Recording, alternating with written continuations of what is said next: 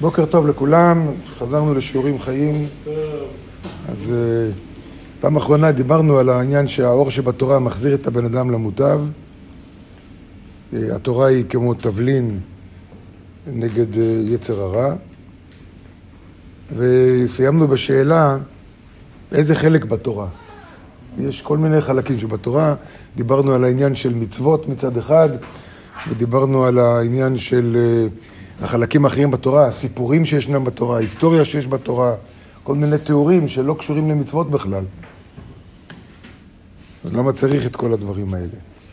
כותב הרב אשלג, רוב דברי התורה הם לעיון. מה זאת אומרת לעיון? הוא כותב, ובזה מיושב לנו למה ריבוי התורה באים באותם חלקים שאינם נוגעים למעשה. למה רוב התורה היא לא מצוות. נכון, יש 613 מצוות בתורה, אבל רוב התורה זה לא מצוות, מצוות מרוכזות, באופן עקרוני מרוכזות בחלקים מסוימים של התורה, חלק ועוד יש כמה מפוזרות לכל האורך, אבל רוב התורה זה או היסטוריה, או סיפורים, או ככה היה, או כל מיני תיאורים, אבל שלא קשורים למצוות.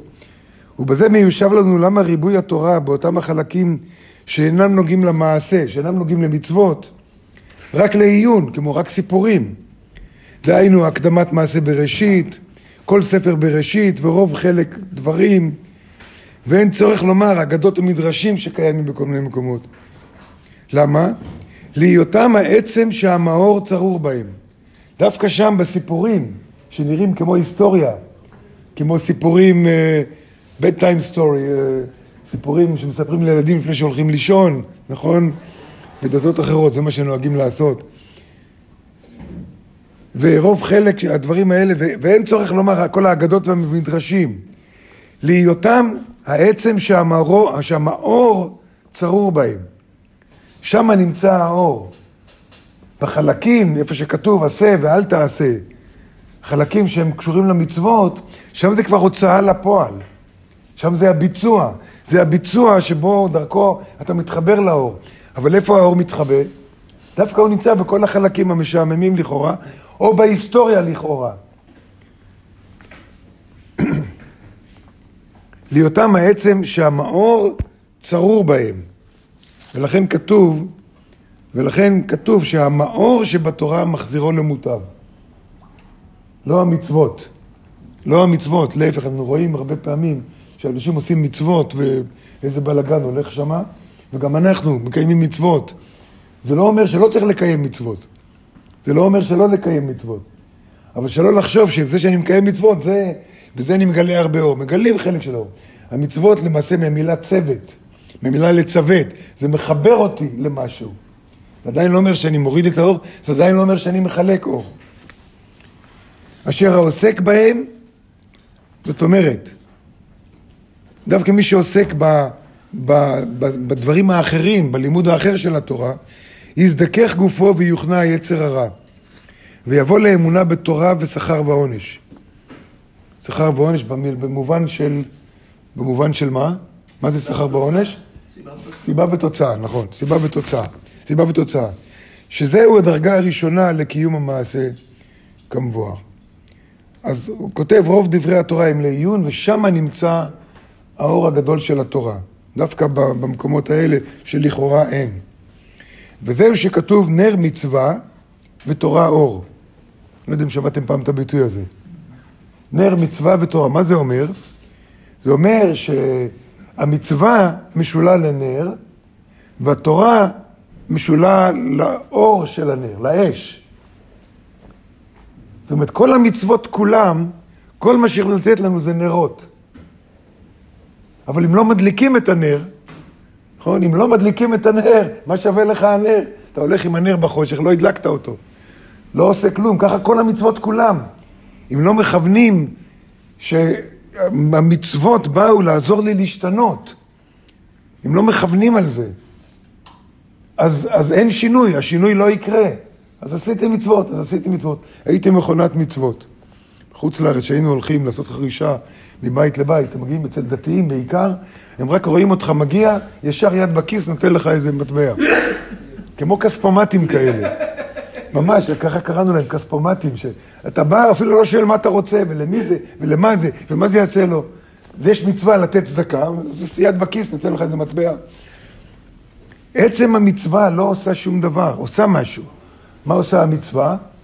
המצווה מחברת אותנו למשהו. המילה צוות, לצוות. מחברת אותנו לאור. אבל זה עדיין לא אומר שיש אור. כמו הנר, בלי נר, בלי נר, אתה, אם יש לך, אפילו אם יש לך מקור, יש לך גפרור, כמה זמן יהיה לך אה, אור? נכון, תדליק גפרור, אתה צריך את כל הקופסה בשביל איזה חצי דקה, או דקה, או כמה, חמש דקות של אור. הנר הוא הבסיס. אז הנר מצווה, המצוות מחבר אותך לנר, ועכשיו כל יתר התורה זה האור, ולכן כתוב המאור שבתורה מחזירו למוטב. ולכן הוא אומר, ולכן הוא אומר, הקדמת מעשה בראשית וכל ספר בראשית ושמות ורוב אלה הדברים, ואין צורך לומר אגדות ומדרשים, להיותם העצם שהמאור צרור בהם, אשר העוסק בהם יזדכך גופו ויוכנע יצר הרע. אומר, יזדכך גופו, הגוף שלנו לא יזדכך אף פעם, אבל הגוף, איפה נמצא היצר הרע? הוא בא מצד הגוף, הוא לא בא מצד הנשמה, הוא בא מצד הגוף. ויוכנע יצר הרע, ויבוא לאמונה בתורה ושכר ועונש, שזהו דרגה ראשונה לקיום, לקיום כל המצוות. זהו שכתוב נר מצווה ותורה אור. כי בדומה למי שיש לו נרות ואין לו אור להדליקם. אז יש לי נרות, נכון? אתה הולך עם נרות בחושך ואין לך אור להדליק אותם, כמו מי שזוכר, אנשים שמעשנים, אני עישנתי פעם, אני עוד זוכר את זה. אנשים שמעשנים, ואין לו גפרורים, כן, אין לו גפרורים. מסכן, מה יעשה עם הסיגריה? יאכל אותה? נכון. יש לך אש? לך אש? זה כמו מחור, יש לך אש? לך אש? או, יש לך אש. אה, איזה יופי, נכון. אז ככה, כל המצוות כולם, אתה עדיין נשאר עם הסיגריה, בלי איך להדליק אותה. להבדיל מהסיגריה, כן, אבל עם הנרות. ולכן הוא אומר, שאין לו אור להדליקה ונמצא יושב בחושך. כן, מי שיש בידו מצוות ואין בו תורה. מקיים את כל המצוות ואין בו תורה. אין בו לימוד כלומר כל היתר החלקים של התורה.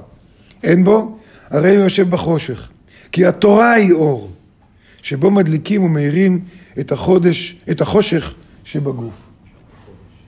כן, את החושך שבגוף. בשבילנו זה לימוד גדול, במיוחד אצלנו, שאנחנו לומדים קבלה, שהמצוות, כמובן, יש לך אור ואין לך נרות, אז האור יחזיק מעמד, זה כמו להבה לרגע.